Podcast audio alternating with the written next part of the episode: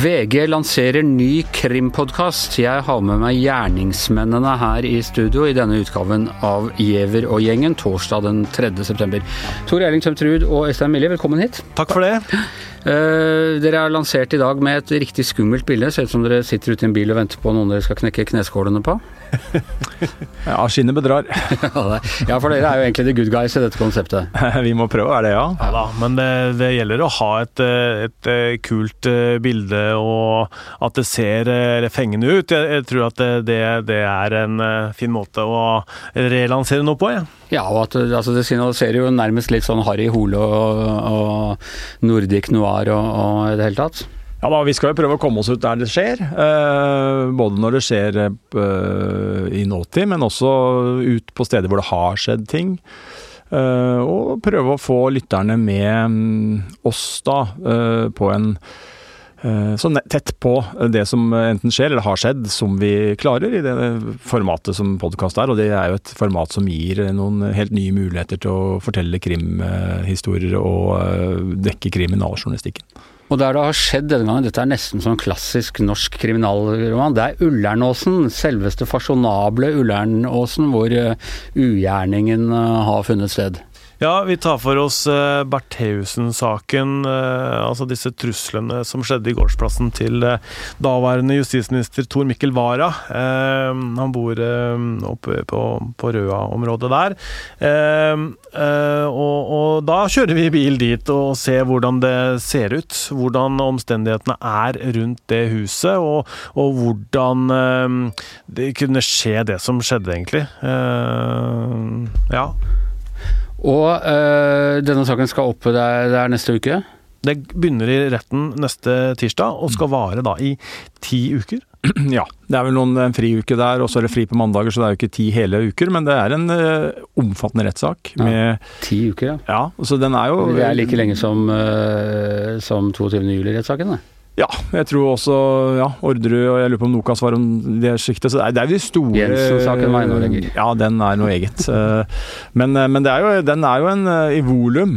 Sånn I forhold til hva som brukes av tid i retten, så er den jo helt i en av de store sakene. Du har jo andre som har holdt på i altså Lime-saken har vel holdt på i snart ti år, holdt jeg på å si. Ja, alt som har med økonomi å gjøre, det kan man skjønne, for da er det så mye ja. altså, hvordan man dokumenterer. Men dette er jo egentlig en ganske enkel forbrytelse. Eh, hvis eh, tiltalen stemmer, så har hun iscenesatt uh, trusler mot seg selv, og også involvert noen andre mm. politikere. Mm. Skal ha foregått i løpet av noen kvelder i vinteren som var. Mm. Og det er en litt sånn altså Altså i enkelhet så er det jo en ganske grei forbrytelse, er det ikke det?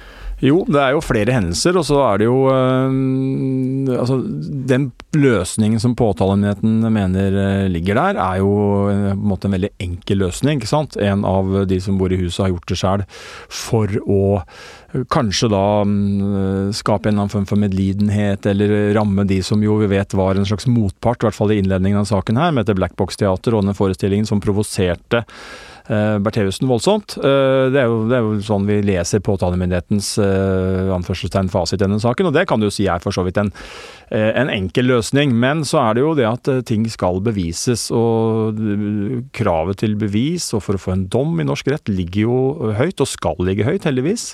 Her finnes det ingen enkeltstående fellende bevis. Det er en såkalt indisiesak. Summen av bevis, ja, liksom? Ja, og det, da må ikke folk Noen tenker at å ja, men de har ikke bevis fordi at vi snakker om indiser, men, men, men, det er jo feil. Altså, norsk rett er jo bygd opp sånn at man uh, kan uh, bruke et såkalt samla bevisbilde, eller en indisiekjede om du vil, uh, for å få noen dømt. Det skjer ganske ofte at man ikke har det enkeltstående fellende beviset, men at man må se på en sum.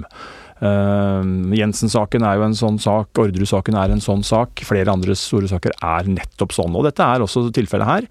Man har ikke noen Eh, opptak av henne hvor hun gjør noe. Man har ikke noen helt direkte fellende bevis, og da blir Ingen det litt Ingen vitneobservasjoner heller som direkte knytter henne til uh, forbrytelsen? Ikke som vi uh, veit, og, og det, det, skal ikke være det. Men det kan jo være noe altså jeg, jeg, vet ikke om denne saken blir lengre pga. at det skjedde mot en statsråd, men når sånne ting skjer mot en statsråd, så settes det i gang et enda større apparat i etterforskningen eh, og i sikringen av hans bolig. Det er PST som er inne, som har eh, ansvar for sikkerheten for våre statsråder og politikere. Altså Politiets sikkerhetstjeneste? Mm. Politiets sikkerhetstjeneste, ja. Og da da er det litt mer på spill. Det koster antageligvis mer penger, og, og det blir et, en annen alarmklokke som ringes ikke sant, når det skjer mot en statsråd. Og Jeg må jo si, altså jeg var inne og sjekka, jeg tror vi skrev tre ledere i leder- og kommentaravdelingen før, mm. eh, før det ble kjent at, at politiet ville sikte henne. Mm. Eh, og vi tar jo fram de helt store ordene ikke sant, om demokrati og trussel mot og politikere, og vi lever i et land hvor politikere skal kunne føle seg trygge og, eh, og alt dette dette her. Men det at man da liksom at buen ble spent så høyt øh, på den andre siden, øh, har det skapt fallhøyden større for henne? Ikke, det kan jo hende, men jeg tenker jo øh, litt med tanke på altså hvorfor denne saken blir så omfattende i retten, så handler det jo selvfølgelig også om det vi ikke har presisert enda, og det er at hun nekter straffskyld. ikke sant? Så Hun avviser jo dette her. Og så er det jo viktig, selvfølgelig, som Tor Erling er inne på, det er jo hvis det ikke er sånn at eh, Laila Nita Bertheussen står bak, så er det jo altså Det er uansett et angrep mot uh, maktpersoner og statsapparat osv. osv. Det er ikke bare hennes egen samboer som er ramma her. Det er jo uh, ekteparet Tybring-Gjedde bl.a. ikke sant? Så det er jo andre utenforstående Som da har mottatt uh, truende brev. Veldig truende brev. Ja. Så, så, det, så det, uansett om hun er skyldig eller ikke skyldig, så er jo dette en sak som er et angrep mot folk i posisjoner. og så er det jo selvfølgelig viktig at en sånn sak, den hadde hadde jo konsekvenser. og Nå skal jo selvfølgelig rettssikkerheten være lik for alle, og eh, loven er lik for uh, Jørgen Hattemaker og kong Salomo, men, men, det er klart at uh, det er nok enda litt mer skjerpa fokus på det at man må være trygg på at den dommen som jo førte til at Wara måtte gå av bl.a., han fikk politiske konsekvenser, at den er eh, godt fundert, og at den ikke bærer preg av at politiet har eh, Eh, altså, vi har jo saker hvor det dukker opp påstander og eh, politiet blir beskyldt for å ha gjort slurvefeil og vært ensidig i etterforskningen og hatt tunnelsyn og alt dette som vi kjenner til. ikke sant? Og jeg tror nok at det blir enda mer viktig for eh, politi og påtalemyndighet å få dette på plass som en sak hvor man slipper den støyen ettertid. Fordi at det er selvfølgelig en kontroversiell dom dersom det blir sånn påtalemyndigheten ønsker at det skal bli. At man vil ha domfelt uh, justisministeren, eller eks-justisministerens uh, samboer for disse angrepene. Og klarer man ikke det, så er i hvert fall fallhøyden høy da, ikke sant, for, mm. for påtalemyndigheten. Da er det jo en, en kjempeskandale. Eh, og vi snakka jo med eh, statsadvokat eh, Fredrik Ranke, som skal, er en av dem som skal føre denne saken i retten, og, og, og spurte jo om ikke sant, hvis dere ikke får noen fellende dom her, så har dere felt en justisminister, mm. egentlig. Mm. Og han svarer jo uh, på Politiet det feller en ja, ja, ja, han svarer jo på det at nei, det er ikke de som feller en, en justisminister. Det er han helt klar på. Og i det svaret så ligger det jo en slags skråsikkerhet på at eh, han mener at de har nok bevis da, for å få en fellende dom. Men det blir jo spennende å se. Mm. Uh, hun har jo en av Norges skarpeste forsvarsadvokater, Jon Christian Elden. Han er vel ikke helt fremmed for å, for å hevde at her er det tunnelstøyen, eller at politiet har bestemt seg, eller Nei, han mener jo at det fins spor som peker i en annen retning. det kom jo et brev med en liksom, som tilsto, som, som var Altså, denne brevskriveren må da ha vært veldig veldig anti-justisministeren uh, for å ha gjort disse tingene, men samtidig syns han er for gæli at han skulle at kona skulle uskyldig tiltales. Ja, og det, det er jo et bakteppe her eh, som, eh, som, han sikkert kommer til å ta tak i. Han har jo eh, sagt at det er momenter som peker i retning av at det er en annen gjerningsmann eller -kvinne enn eh, hans klient, eh, for så vidt naturlig nok.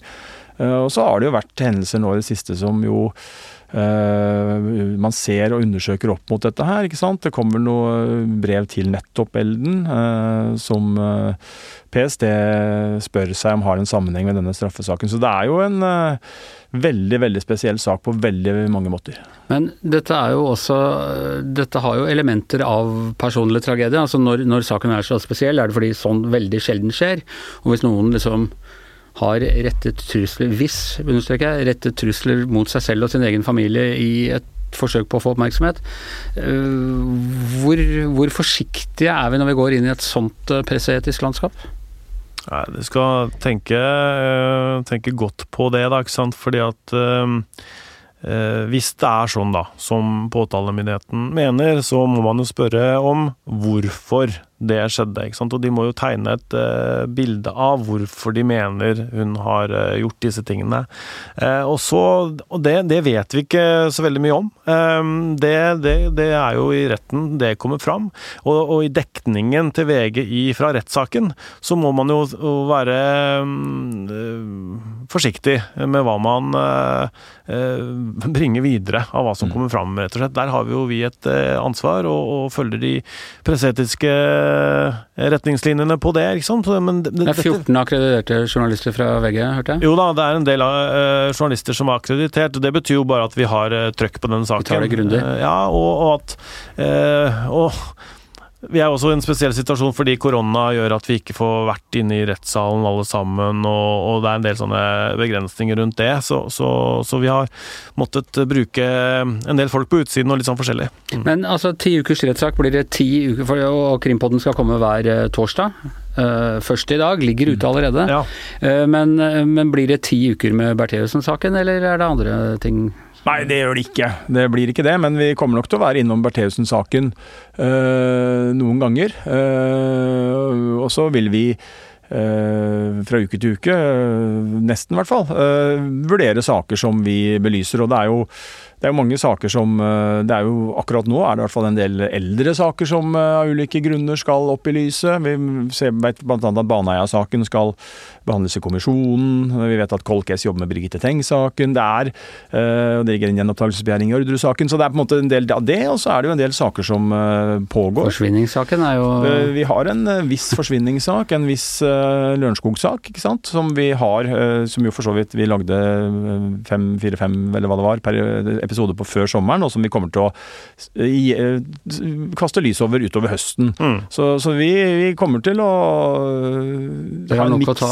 Ja, nok å ta foreløpig. Ja. Og så skjer det jo ting stadig vekk òg, ikke sant. Sånn at det eh, kom, dukker det opp eh, store krimsaker i, i, eh, Norge i løpet av høsten, så, så tar vi jo tak i det også. Men eh, det er jo ofte sånn, jeg husker særlig etter Orderud-saken, så ble det en slags fatigue og eh, nesten mangel på, på, krimsaker. Fordi vi lever jo tross alt i et av verdens fredeligste land, og de mm. aller fleste forbrytelser i Norge er nærmere tragedier enn eh, en kriminalitet. Og, og eh, har dere tenkt på det? Altså Hvis man går inn i perioder med, med liksom bare den vanlige norske krimbildet? Innbrudd og drap i fylla? Ja da, det er jo det er som du sier, nyhetsbildet svinger jo på alle stoffområder, også innen krim. Og da eh, får vi jo uh, se om vi kan komme med noe interessant eh, da. Om vi kan komme opp med noe det er, det, Jeg tror det er mye å ta av, og vi har i hvert fall foreløpig ikke sett noen problemer med å finne episoder framover. Nei, ja, Du nevnte Orderud-saken. Ditt navn er sterkt knyttet til, uh, til, den. Du begynte her i VG for, spesifikt for å, for å, jobbe med den i sin tid, da du kom fra Akershus Romerikesblad. Og du har uh, vært med på å lage TV-dokumentar, og nå kommer du med en bok i løpet av høsten? Ja, det kommer en bok om noen få uker. så er det jo i tillegg også en begjæring om gjenopptakelse i den saken. Så det er jo en sak som fortsatt uh, også er uh, høyst uh, levende, ja. ja. Da kommer du med svaret du i den boka, eller? Ja, jeg kommer med ting som jeg mener er svært interessant om den saken i den boka. Vi gleder oss til det, Øystein. Ja, Noe bok fra deg, eller Tor Erling? Nei, nei, takk. nei, ikke foreløpig. Ok, eh, da tror jeg rett og slett at vi har eh, brukt opp tida vår. Men altså, husk å høre Krimpodden, som dere finner på de stedene hvor dere finner de andre favorittpodkastene eh, deres. Takk til Tor Erling Tømterud, takk til Øystein Mille. Jeg heter Anders Giæver, og den forbryterske mesterhjernen som har klippet dette sammen til et forståelig mysterium, det heter Magna Antonsen.